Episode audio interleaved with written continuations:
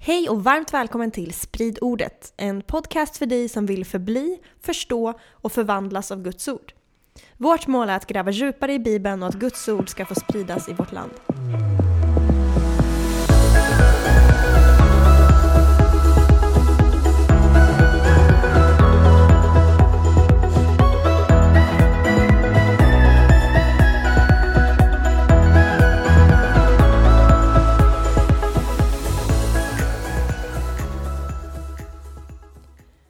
Ja, då är vi igång igen och har ett sprillans nytt avsnitt i serien Profetier om Jesus.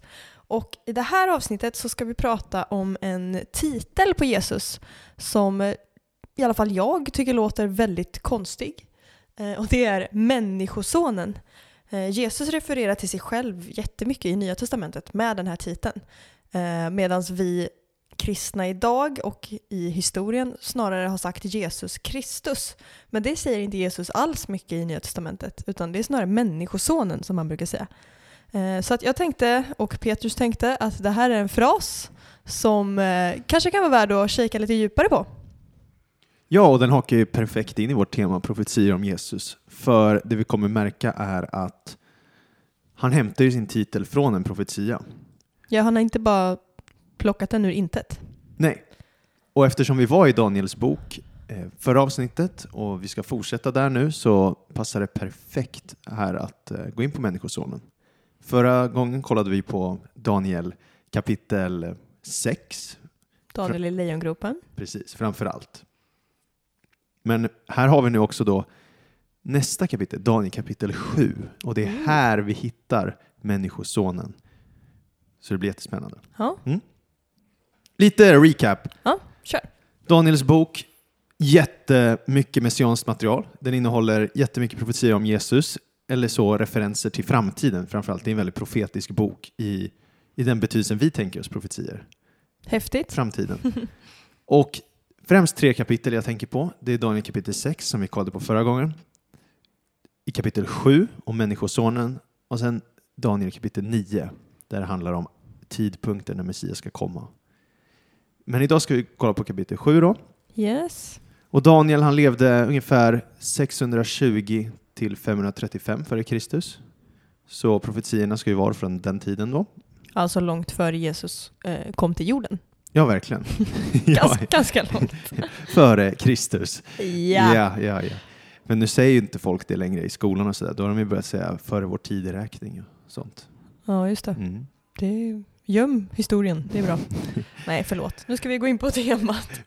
Ja, boken, Daniels bok, det börjar med en ung Daniel i Babylon. Han tvingas lämna sitt hemland, han blir tagen till Babel och boken slutar med Daniel som en gammal man i Persien. Respekterad och hedrad och han har tjänat massa kungar då, i både babylonska och persiska riket. Och bara påminnelse där att de första sex kapitlerna i Daniel, de är som historiska narrativ och sen kapitel 7 till 12, de sex sista kapitlen, de är som visioner nedskrivna. Mm. Som det- han får. Eh, ja, precis. Mm. Och då bland annat så har vi då här, eh, alltså som om man skulle ta det kronologiskt, då skulle det vara kapitel 1, 2, 3, 4, 7, 8, 5, 6, Oj då. 9, 10, 11, 12. Påminner lite om Star Wars-filmerna. ja, faktiskt. faktiskt. Ja. ja, men härligt, härligt. Det var den korta återgivelsen. Ja. Kapitel 7 då, eller? Kapitel 7 då. Mm. Precis.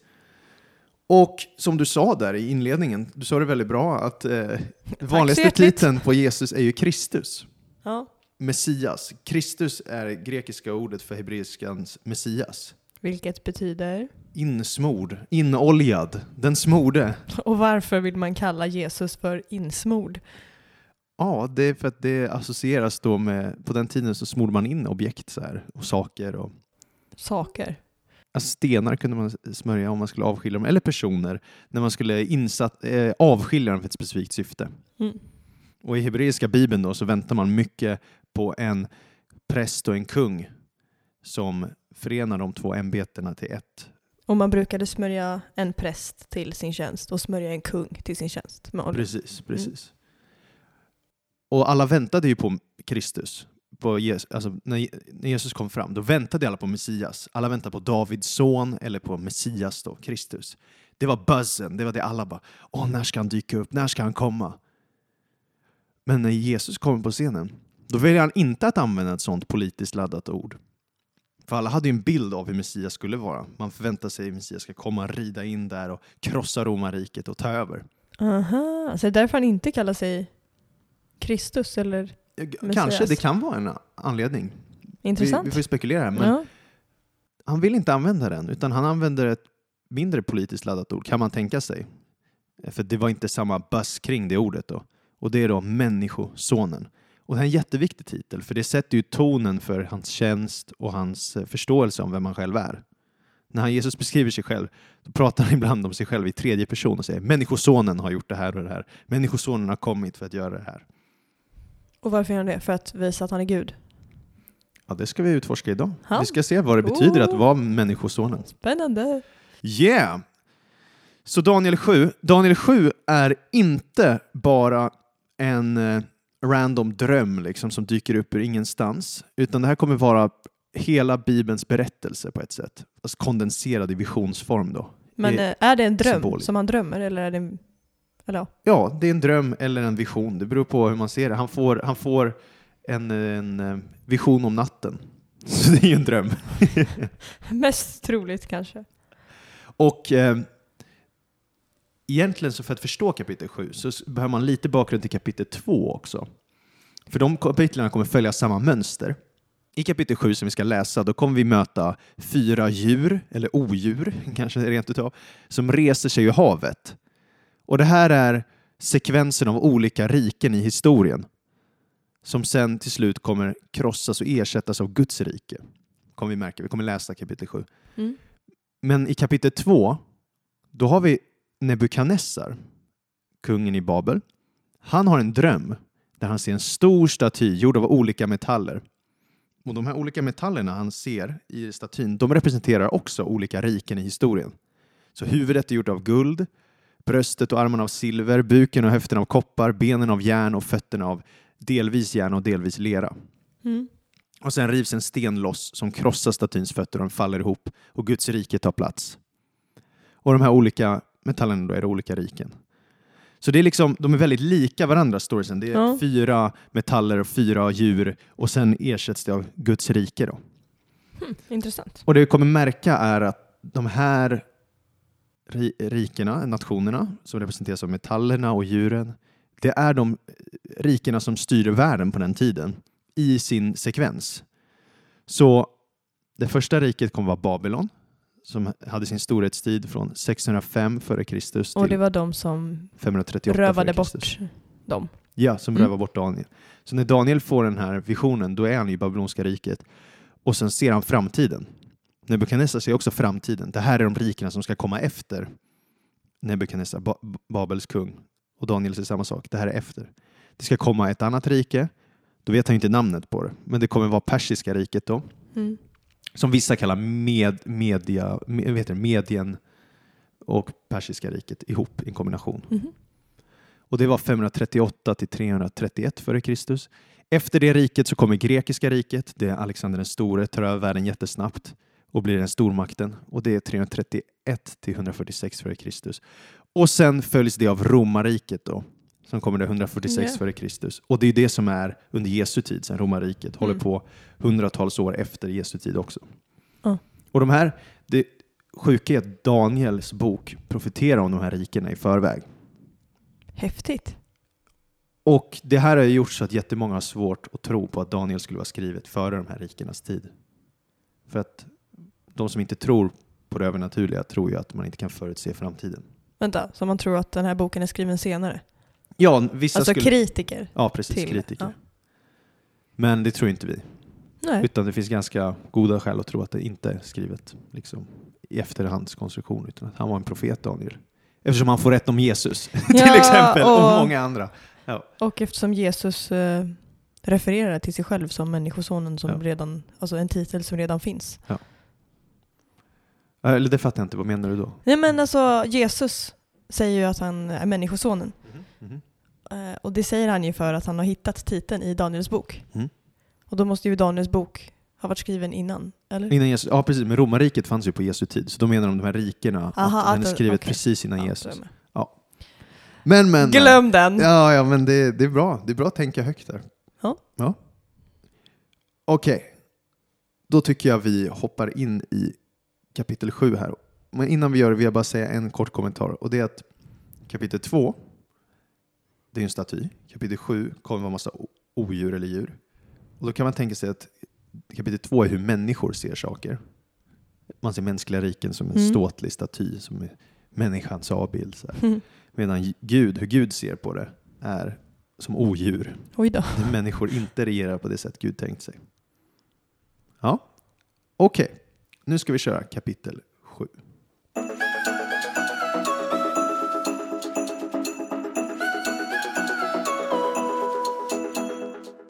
Ja, och vi börjar med att läsa eh, från vers 1.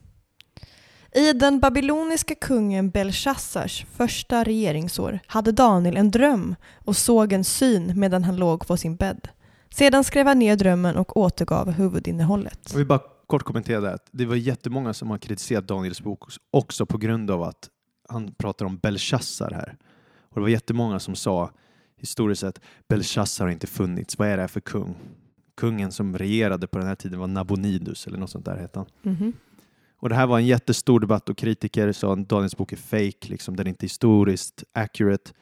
Men sen började man göra arkeologiska utgrävningar Oh. och gissa vad? Man hittade att det har funnits en person som heter Belshazzar. Fy vad häftigt. Mm. Jag älskar arkeologi. Det är så sjukt spännande.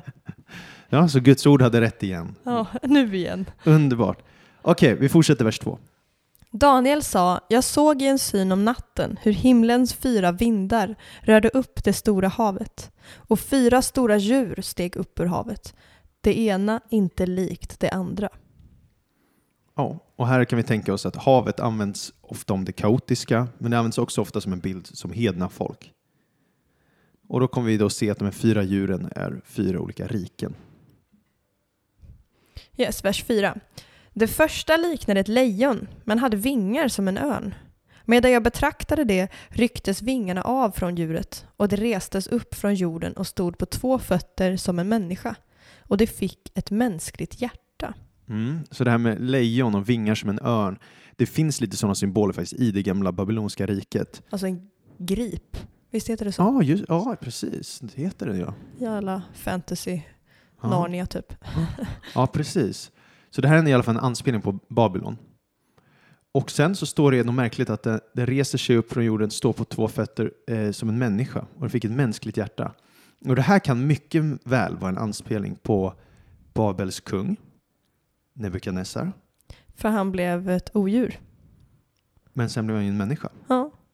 För att i, det, det kan man läsa om i Daniel kapitel 4 är det. Ja, 4 är det. Där Nebukadnessar omvänder sig. Han, han blir först han blir typ psykiskt sjuk och beter sig som ett djur. Och sen omvänder han sig, börjar tro på Gud och då står det att han får som ett nytt hjärta. Liksom. Mm. Coolt. Ja, Ja. så han blev troende i slutet, Nebukadnessar. Okej, vi fortsätter nästa djur. Sedan fick jag se ännu ett djur, det andra i ordningen. Det liknade en björn och det reste sig på sin ena sida. Och i gapet hade det tre, tre revben mellan tänderna. Det fick befallningen, stå upp och sluka mycket kött. Och det här är inte ryska björnen. Hur vet du det? Utan det här, det är ingen ryska björnen, en nutida bild på Ryssland. Utan det här är egentligen en anspelning på Perserriket då på den tiden. Varför då? För Persien hade en stark armé, eh, de tog det mesta till och med utan en strid. Och det här med att den slukar mycket, men det står att den har tre revben. eh, Många forskare tror att det här handlar om de tre viktiga striderna de använde sig av när de befäste riket mot eh, Babylon, Egypten och Libyen. Om jag inte minns fel här. Nu tar jag det Mm. från minnet. Men ja. Och sen det står det att han reste sig på ena sidan. Ja, vad innebär det? Ja, men det är för att det var ett rike som heter Medien och ett som heter Persien. Och kungen där, Koresh eller Cyrus eller Kyrus, eller ja, hur man, Kyros, hur man än uttalar det. Han var typ halv medier och halv pers och han, han tog de två rikena och typ gjorde dem till ett på något sätt. Men Medien var så mycket, mycket mindre och Persien var så mycket större så att det blev den primära sidan av riket. Då. Så det är Mhm. därför man kallar det perserriket. Då. Ser man. Mm. Och det här profeterar Daniel då innan det sker ens. Ja, Är kung Koresh... Nej, nu blandar jag ihop här. Det är inte han som är med Ester. Nej, nej, nej, det Nej, är han det är inte. Ahasveros är med Ester. Just det. Mm. Ja, Ja, vi går vidare till vers 6. det finns så många kungar. Alltså. Okej. Därefter fick jag se ännu ett djur. Det liknade en leopard men hade fyra fågelvingar på sidorna. Djuret hade fyra huvuden och det fick stor makt. Ja, och det här handlar om Grekland. För att Alexander den store som var kungen i Grekland, han tog över världen så extremt snabbt så det räcker inte ens med att likna honom vid en leopard. Utan det är en leopard med fågelvingar, så han färdas hur snabbt som helst över hela världen och tar över extremt, extremt fort. Fett djupa bilder alltså. Ja, det är häftigt. Ja, vi går vidare till det fjärde odjuret och det här kommer vara så förskräckande odjur så han, eh, Daniel själv blir helt chockad. han Så känsliga lyssnare varnas. Sedan fick jag i min syn om natten se ett fjärde djur som var skrämmande, fruktansvärt och mycket starkt. Det hade stora tänder av järn. Det slukade och krossade och trampade det som blev kvar under fötterna. Det var olikt alla de tidiga djuren och hade tio horn. Men medan jag betraktade hornen fick jag se hur ett annat horn sköt upp mellan dem. Ett litet horn som stötte bort tre av de tidigare hornen. Det hornet hade ögon som liknade människoögon och en mun som talade stora ord. Uh. Ja, det är jättemycket paketerat in i de här verserna som man behöver göra typ en, en hel serie för att kunna bemöta allt det här. Men på- vi kommer märka, alltså, längre ner i Daniel kapitel 7 så är det så här att Daniel har inget problem med de första tre djuren. Han bara, ah, okej. Men när det kommer till det fjärde djuret, då ställer han massa frågor. Liksom. Vad är det? För att djuret det krossar, det slukar, det trampar, det mosar saker. Alltså det är inte som de andra rikena, utan det här tar över saker. Det tar inte bara över saker, utan det förgör. Det förstör. Och är fett spooky. Ja, exakt.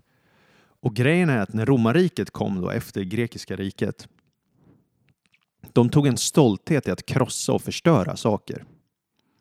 Så det finns väldigt, väldigt starka kopplingar till romarriket också. Som är det rike då som härjar sen när Jesus eh, Mm. kommer in på scenen. Så man tror att detta är romarriket. Mm, precis, precis. Och sen så Vad är grejen med alla horn då? Mm. Det är det här som vi inte har tiden i det här avsnittet att behandla. Liksom, utan, och, och, men om vi tänker att horn bara, Kortfattat. kortfattat vad ett horn är, om vi tar det då. I gamla kulturer så var ett djurs kraft exemplifierat, eller ja, Ja, i, i, i dess horn. Den kunde ha ett horn eller flera horn. Som, en, inte vet jag, en noshörning har ett horn. Ja. Ja. De fightas med sina horn. Den ser stark ut. Ja. Eh, så det är en bild på kraft och makt och auktoritet. Och det här är vanlig bild, inte bara i Bibeln utan i många gamla, gammal litteratur. Men de här hornen då i, i Daniel, det är, som, det är en person, speciellt ett litet horn där som kommer ha en stor mun och tala stora ord och vara bra på att snacka. Och många menar sen att eh, det där talar om den kommande antikrist Jaha. och det kommande riket. Eh, ja, det, det är jättemycket i det som jag inte vill gå in på nu, utan jag vill fokusera på det som kom, verserna det som vi kommer direkt på. efteråt här. Så om du är okej med det så, så Okej går vi vidare. Men det var, det var spännande. Jag är Ja. lite besviken, men okej då. Okej, från vers 9 går vi vidare. Medan jag såg på djuret sattes troner fram och den gamle av dagar satte sig ner. Hans kläder var vita som snö och håret på hans huvud var som ren ull. Hans tron var av eldslågor och dess hjul var av flammande eld. En ström av eld flödade och gick ut från honom. Tusen gånger tusen tjänade honom och tiotusen gånger tiotusen stod inför honom. Han satte sig ner för att döma och böcker öppnades. Jag fortsatte att se på eftersom hornet talade så stora ord. Medan jag såg blev djuret dödat och kroppen förstördes och kastades i den brinnande elden. Det andra djuret miste också sin makt och deras livstid var bestämd till tid och stund. Så det som händer här är ju att medan det här djuret härjar, då kommer den gamla av dagar, vilken är titel på Gud själv då, alltså att han är evig. Och han sätter sig på sin tron. Som en rullstol. Den har hjul. ja, ja, verkligen, verkligen. Rullstolar är gudomligt. Och sen en ström av eld flödade och gick ut från honom. Allt det. Han ska döma i alla fall. Ja. Och då kommer han döma då eh, det här djuret och det här hornet. Och det kommer kastas i den brinnande elden. Det känns ju väldigt skönt efter att ha läst beskrivningen och läskiga Ja, hur djur. hemskt det är. Ja. Och det här är väldigt likt det som hände i Daniel kapitel 2 med statyn. Att där statyn krossas också av att Guds rike kommer. Mm. Och samma bild är här då, att Guds rike tar över de här andra rikena. Ja. Och nu ska vi se vem som kommer regera i det här Guds riket då. Så vers 13. I min syn om natten såg jag och se en som liknade en människoson kom med himlens skyar. Han närmade sig den gamle och fördes fram inför honom. Och åt honom gavs makt och ära och rike och alla folk och stammar och språk ska tjäna honom. Hans välde är ett evigt välde som inte ska ta slut och hans rike ska inte förstöras. Där har vi det. Där var han, Människosonen. Det är det vi ska prata om. inte hon. Nej. Det tog oss 20 minuter att komma till den här texten. Men, och vi ska prata om det här, det är jättespännande. Men innan vi gör det, låt oss bara läsa två verser till. Jag, Daniel, blev oroad i min ande och synen jag hade haft skrämde mig. Då gick jag fram till en av dem som stod där och bad honom om en förklaring till allt detta och han gav mig denna tydning. Och sen uttydningen är att det ska uppstå fyra riken på jorden, att den högstes heliga kommer få ett evigt rike. Och sen vill Daniel ha lite mer förklaring på det här fjärde riket. Och som sagt, vi lägger inte mer tid på det nu. Och sen det här lilla hornet då, eh, och vem är det liksom, och allt det där. Och det finns så mycket vi ska prata om, men nu ska vi fokusera på människosonen här. Snabb fråga bara. Mm. Han som man frågar, de som stod där, är det också folk som är i visionen då eller? Ja, precis. Det måste vara änglar. Ja. Som också står och tittar på då eller? Ja, Inte ja. publik Ja. där. Det är ju vanligt att Daniel kommunicerar med änglar i sina visioner. Ja.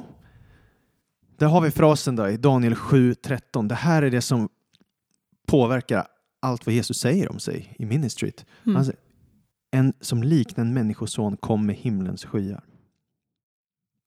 Och så ska vi strax kolla på vad han gör för någonting då i den här beskrivningen. Men om vi bara stannar upp vid begreppet människoson. Ja, vad, varför säger man så? Är inte alla pojkar? Alla pojkar En son av en människa? Ja, precis. Så på hebreiska så använder man den här frasen son av för att beskriva den kategori man tillhör. Så om man är 17 år säger man att man är en son av 17 år. Använder man det bara kring ålder? Eller är Nej, det också nej, som kring typ Karlsson? Ja, ja precis. Alltså kring, kring massa saker för att bara associera dig till den kategori du tillhör. Så det är ett sätt att bara beskriva sig som människan. Eh, för att till exempel eh, i Hesekiel, då används frasen människosonen för att beskriva Hesekiel 93 gånger. Och visst sitter Gud i en rullstol i Hesekiel också? Allt är kopplat. Ah! ja, men exakt. Så i Gamla Testamentet också, det är jättevanligt med poesi. Ja. Eller i Tanakh då, jag gillar inte ordet Gamla Testamentet. I hebreiska bibeln ja. är det vanligt med poesi och då sätter man paralleller bredvid varandra. Så här, man rimmar på tanke ofta. Man säger en sak, sen säger man samma sak med andra ord. Mm. Och då är det jättevanligt att man använder ordet människa och sen i nästa använder man ordet människoson. Just det. Som typ synonymt. Mm. Precis. Så det är uppenbart att det här begreppet refererar till att det är en människa. Men det är så mycket mer än en människa när Jesus talar om att han är människosonen. För han tänker ju på Daniel 7. Mm. Och i Daniel 7 så står det att han kommer med himlens skyar. Himlens moln. Häftigt. Han rider på molnen. Såklart. Överallt annars i Bibeln så är det Herren som kommer med molnen. Alltså, Ah. Javé, Adonai, Gud själv, Så- Guds namnet. Så det här är också ett eh, bevis på att Jesus är Gud. Än en gång. Verkligen. Men alltså det här är så chockande. Tänk dig Daniel nu då. Daniel har sett den här sjuka visionen. Han är livrädd för den här djuret som kommer. Mm. Och allt det här Med all kaoset. rätt. Och sen så ser han en människa, en människoson som rider på molnen. Alltså en människoson som är som Gud själv. Mm.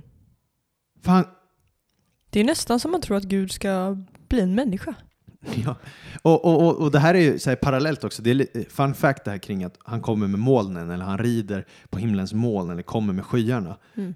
Det är också ett sätt hebreiska bibeln använder för att beskriva Gud på jättemånga ställen. Då, så här, femte Mosebok 33, psalm 68, psalm 104, Jesaja 19 med flera. Men det är också en, en form av trash talk till Israels grannar. Vad menar du? För att Israel hade ju grannländer runt omkring och det fanns ett samhälle där som kallas Ugarit. Mm. De nämns inte i Bibeln, men vi, vi har grävt fram i arkeologin. I Syrien va? Ja, precis, Ja. i Syrien. Ugaritiska texter. Och där, deras gud var Bal. Bal dyker upp väldigt mycket i Bibeln. Väldigt mycket. Han kallas i de här texterna för den som rider med molnen. Eller kommer med himlens skyar. Hmm. Så det var en titel på Bal. Så det är lite så här in your face. Ja, är- det- det- är inte Gud utan det är Javé som är Gud. Ja, precis. För i den communityn använder man det som titel för gudomligheten. Mm. Så jag tänker mig att det, det är någon form av polemik också. Så det är lite som typ om vi kristna skulle säga Gud är större. Mm. I polemik mot eh, islam. Ja. För de säger ju så, eller hur? De säger, vad är det de säger? Allah, Allahu Akbar. Typ. Ja. Betyder det att Gud är större? ja, det är det jag för mig. Ja. Okej.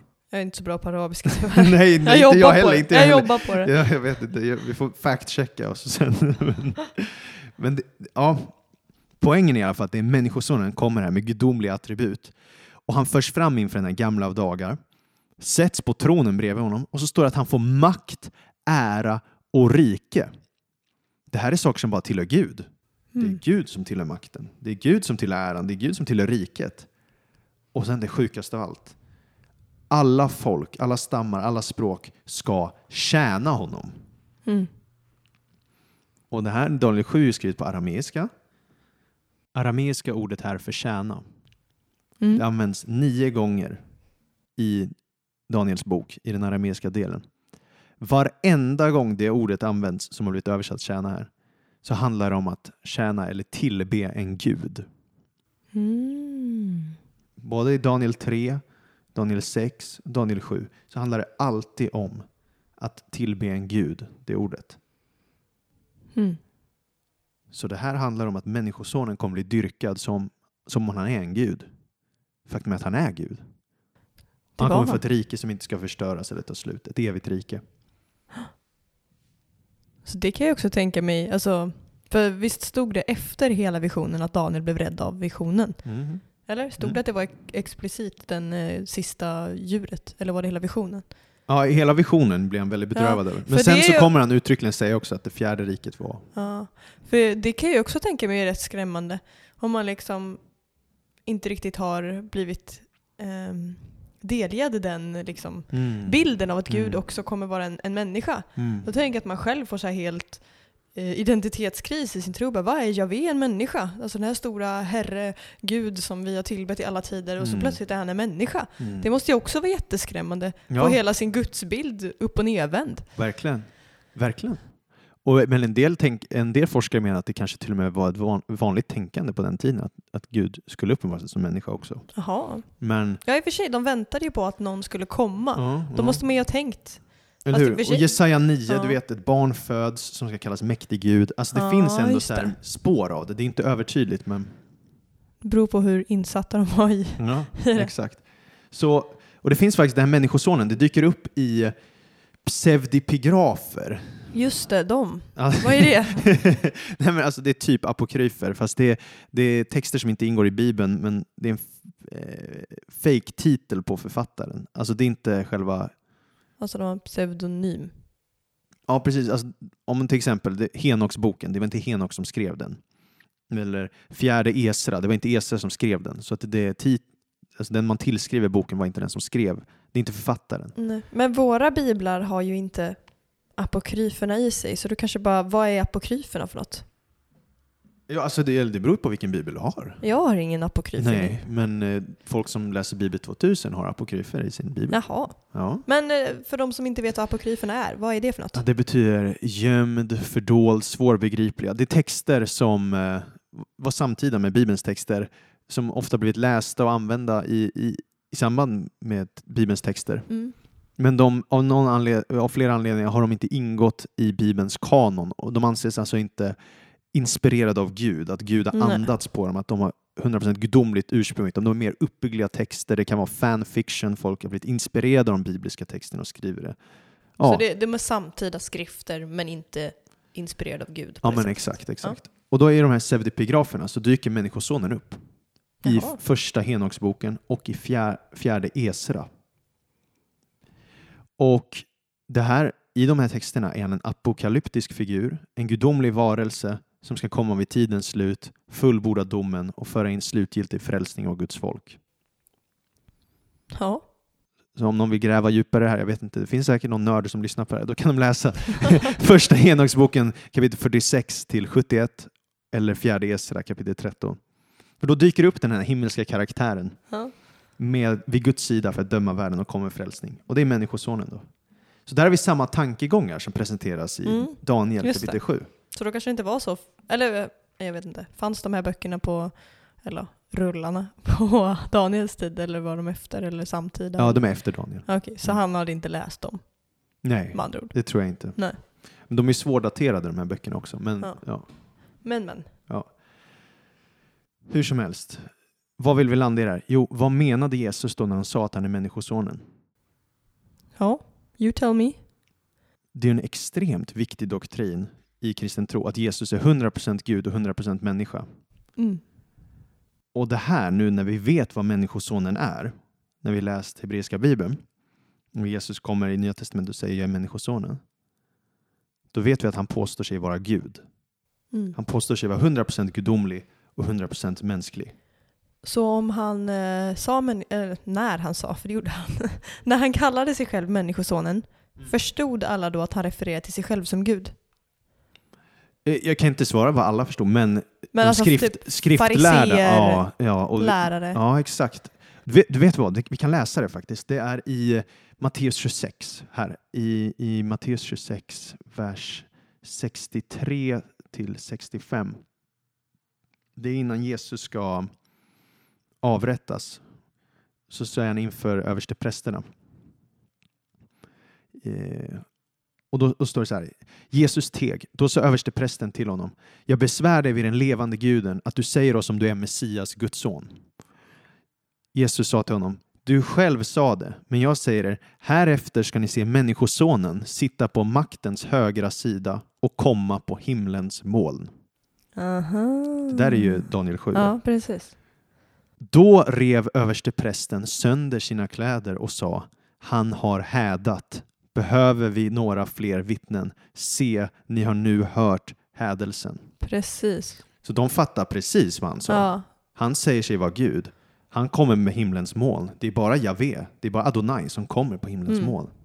Och de blir fett upprörda. De blir jättearga. Och ironiskt nog, de blir så arga så översteprästen river sönder sina kläder. Ja. Och det är en synd i Gamla testamentet. I, i tredje Mosebok 21 så står det uttryckligen att en överstepräst inte får riva sönder sina kläder. Oj då. Så det är jättekomiskt att Så han typ... i sin vrede över att Jesus så kallat syndar, så syndar han. Oj då. Jobbigt. Jättejobbigt. Men du, du lyfte en bra poäng. Det är lite, Mm. när Jesus går upp, fram där eh, och börjar säga att han är människosonen, Mm. då, genom att citera skriften, då laddar man ju upp bilder i folks huvuden. Det är lite som du och jag, vi kommer från en generation som är uppvuxen när Youtube blommade ut och blev något stort. Liksom. Och då oh yes. finns det många Youtube-videos man skulle kunna bara säga en fras från och många som lyssnar på oss skulle direkt veta om de är i vår ålder. Typ. Sen om de är äldre, då har folk andra referensramar. Så är som om jag skulle säga till dig, Ey, vem var det som kastade? Då börjar jag skratta och vet precis vad du menar. Ja. Eller eh, om jag säger skön. Har det så kul på restaurangen. Ja, till exempel. Det här är ju Youtube-videos vi har vuxit upp med. Och då associerar folk i vår generation direkt till en specifik Youtube-video. Ja, eller man kan ju, för att få med fler på tåget kan man ju bara säga I have a dream. Ja, Då vet men- ju alla vad man syftar på. då vet alla att det är Martin är det- Luther King. Ett tal som man ser Ja, framför eller sig. Luke, I am your father. Eller så här, då vet alla att det är Star Wars. Ja. Och det är samma grej när Jesus säger Människosonen. De skriftlärda fariséerna, de vet, aha, det är Daniel Aha. 7 han säger. Det är ett gudomligt påstående, inte bara vara människa. Så nästa gång du hör någon människa säga till dig Visa mig i Bibeln var Jesus säger att han är, är Gud. Jesus påstod sig aldrig vara Gud. Du och jag som har pratat med många eh, i evangelisationssyften eller så här, Mm. speciellt muslimer, många andra också, de säger att Jesus aldrig påstod sig vara Gud. Men det gör han. Han gör det på typ varenda sida i evangelierna. Varenda gång han säger sig vara människosonen, då påstår han sig ju vara Gud. Ja. Ja. Smart. Coolt. Väldigt viktigt. Stort. Så människosonen har jättemånga gudomliga attribut. Markus 2, 10. Människosonen har auktoritet på jorden att förlåta synder. Mm. Markus 2, 28. Människosonen är herre över sabbaten. Allt Mm. det här är i fråga om auktoritet och det gudomliga. Mm. Han, han påminner folk om auktoriteten via Daniel 7, då, att, att han är människosonen som kan agera å Guds vägnar. Eller Johannes evangeliet säger, ingen har stigit upp till himlen utan han som kom ner från himlen. Människosonen som är i himlen.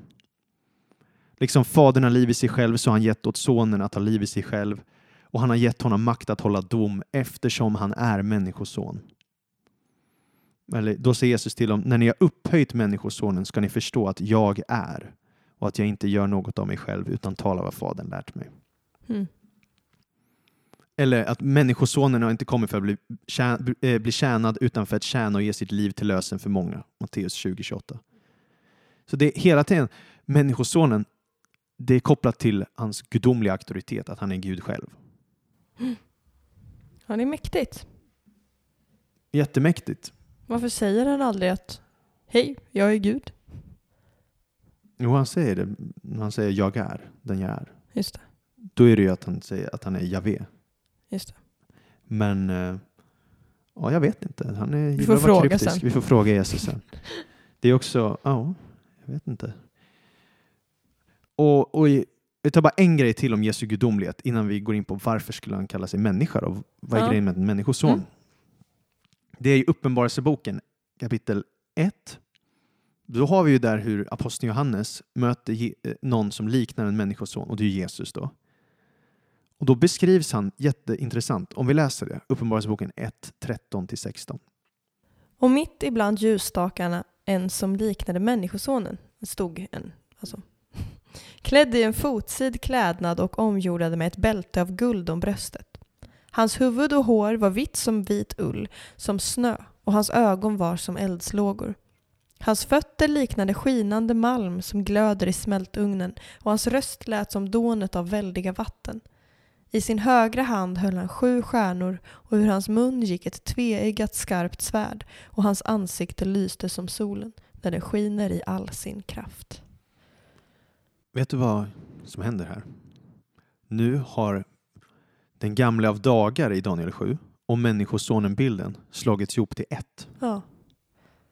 För att- Fett coolt! Eller hur? För där i Daniel 7, då var det ju att den gamla av dagar, det var han som hade Vitt hår. vitt hår, vit klädnad, eld runt omkring sig. Men nu har Människosonen det också. Mm. Det är nästan som att prata om ett. Ja, precis. Och, och, och det är ju det, de är. Men det är som att i Daniel 7 så var det bara en glimt av det. Det här är Mm. det gudomliga. Och nu går de ännu steget längre och och är ännu tydligare med sitt språkbruk. Mm. Det här är verkligen, Fadern och Sonen är ett. Den gudomliga, gamla dagar och Människosonen. De De är enade. ett. De är Gud båda två. De är en. Ja, amen. Så om allt handlar om hans gudomlighet där, varför kallar sig Människosonen? Varför kallar sig människa? Låt oss kolla på det här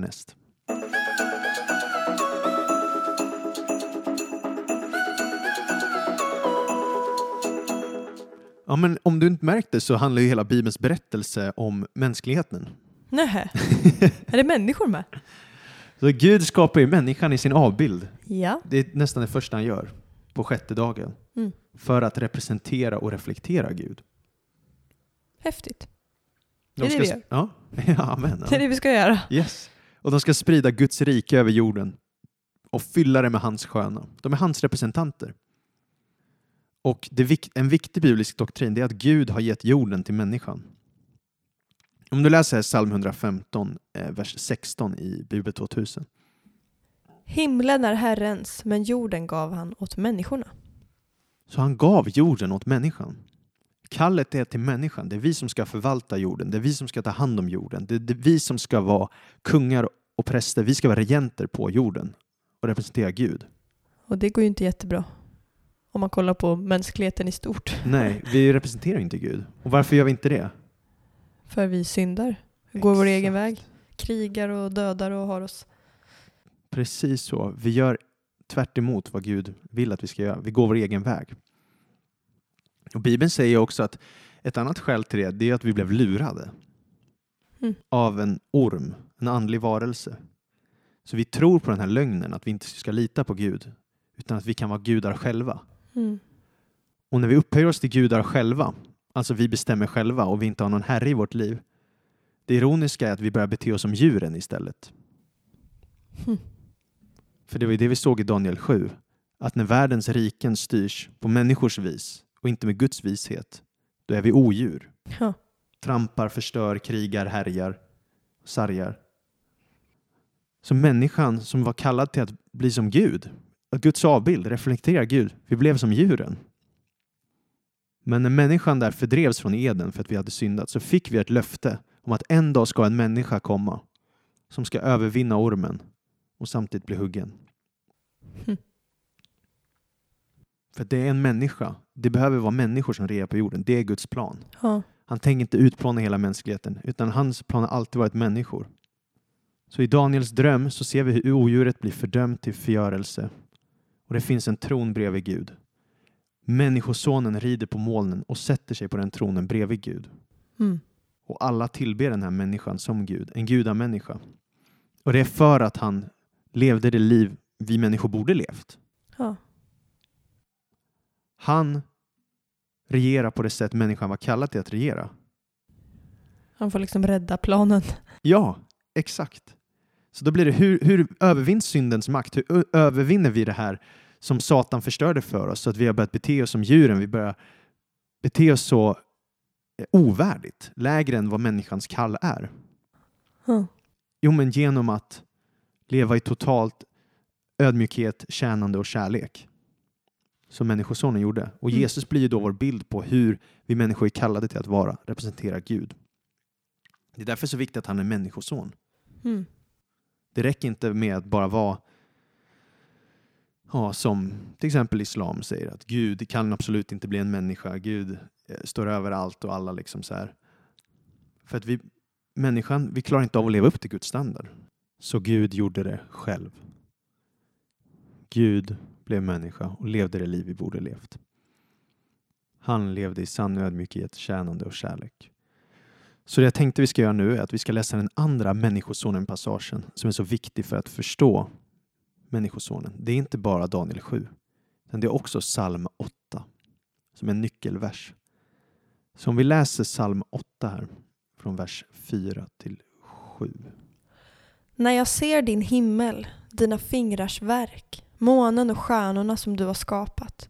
Vad är då en människa eftersom du tänker på henne? En människoson eftersom du tar dig an honom. En liten tid lät du honom vara ringare än Gud. Med ära och härlighet krönte du honom. Du satte honom till herre över dina händers verk. Allt har du lagt under hans fötter. Så här reflekterar psalmisten över den mäktiga himlen som finns. Och ändå så har det finns så där stort och ändå har Gud satt människan som är så liten att regera över jorden. Varför tänker du ens på människan Gud? Alltså vill du ens skänka en tanke? Och sen pratar om den här människosonen. En liten tid lät honom vara ringare än Elohim. Som här översattes Gud. Som i Septuagintan översätts änglar. Är det inte det som det är i Hebreerbrevet? Mm, då citerar de det änglar. För ordet Elohim kan betyda bara andlig varelse. Så att han blir ringare än änglarna och med ära och härlighet krönte honom. Och du satte honom till herre över dina händers verk. Allt har du lagt under hans fötter. Så det ska komma en människa som kommer förnedras och tryckas ner och görs allt, eh, liksom blir det lägsta. Men han kommer upphöjas över allting och allt kommer läggas under hans fötter. Och som du mycket riktigt säger, i Nya Testamentet, i Hebreerbrevet, där citeras det här. För då står det i Hebreerbrevet 2 att det är inte under änglar han har lagt den kommande världen som vi talar om, utan det är under Människosonen. Så om vi läser i Hebreerbrevet 2, då har det precis citerats psalm 8 och sen fortsätter de i vers 8 och framåt. När han la allt under honom utelämnades inget. Allt skulle vara lagt under honom. Ännu ser vi inte allt vara lagt under honom. Men Jesus, som för en liten tid gjordes ringare än änglarna, honom ser vi nu krönt med härlighet och ära därför att han led döden. Genom Guds nåd skulle han smaka döden i allas ställe. Ty när Gud, för vilken och genom vilken allting är till, skulle föra många söner till härlighet, måste han fullkomna honom genom lidanden, han som för dem till frälsning. Så här har vi det. Människosonen. Han skulle också behöva lida, göras ring, Mm. eh, ring, ring. Liten, liten, ja. enkel. ja, och förtryckt. Men han skulle upphöjas med ära och härlighet eftersom han led döden. Så här har vi det. Psalm 8 och Daniel 7 tillsammans ger oss ett väldigt fulländat porträtt av Människosonen. Och då börjar vi förstå här varför det var Jesu favorittitel. För det summerar att han är 100% Gud och 100% människa. Mm. Vilket är ett väldigt viktigt koncept i vår tro. Exakt, alltså det är egentligen tre villoläror du till varje pris vill undvika i kristen tro. Det är antingen att du förnekar Jesu gudomlighet, eller att du förnekar hans mänsklighet, eller att du förnekar hans tillräcklighet. Mm. Att hans frälsning inte skulle vara nog, utan du behöver addera med dina gärningar till exempel. Ja. Det är de lärorna. Beware. Be aware, exakt. Men här har vi det. Människosonen, den låge, han som kom för att etablera Guds rike och bli tillbedd. Slussa in det eviga riket. Och jag menar, det här är också på ett sätt är ett bevis, alltså jag tänker också som ett bevis på att evangelierna är väldigt historiskt korrekta. Hur menar du? För att på den tiden så måste, vill ju all, alla kallade ju sen Jesus Kristus, Mm. Messias, Davids son, för det var ju det som var den populära titeln. Men när de skrev ner evangelierna så skrev de helt enkelt Människosonen. Att Så. Jesus sa sig vara Människosonen, han beskriver sig som Människosonen och allting. Så om det hade varit fejk hade man velat skriva Kristus istället? Ja, precis, för då vill man övertala folk och det är den gängse liksom, Mm. jargongen man brukar sig av. Hm, Intressant. Så jag tycker det är häftigt. Och här har vi det, Daniel 7, Människosonen. En profetia Jesus uppfyllde till punkt och pricka. Ha. Återigen, han är hela Bibelns Gud, vår Gud. Jesus är he- hebreiska Bibelns Gud. Gamla testamentets Gud är Nya testamentets Gud. Mm. Guden av ödmjukhet, tjänande, kärlek. Som dog för våra synder, uppstod på tredje dagen och nu ska allt läggas under hans fötter. Och han ska få ett evigt rike och alla människor ska tjäna honom en dag. Boom! Det var det. Dagens avsnitt. Tack så mycket att ni har lyssnat. Hoppas ni också har lärt er något. Det har jag gjort i alla fall. Eh, hör gärna av er till oss eh, om frågor eller tips och tricks. Kanske hur jag ska förbättra min EQ på min nya mikrofon här. Det vet kanske ni bättre än mig. Eh, men vi tycker det är jättekul när ni hör av er. Eh, take care och så hörs vi snart igen.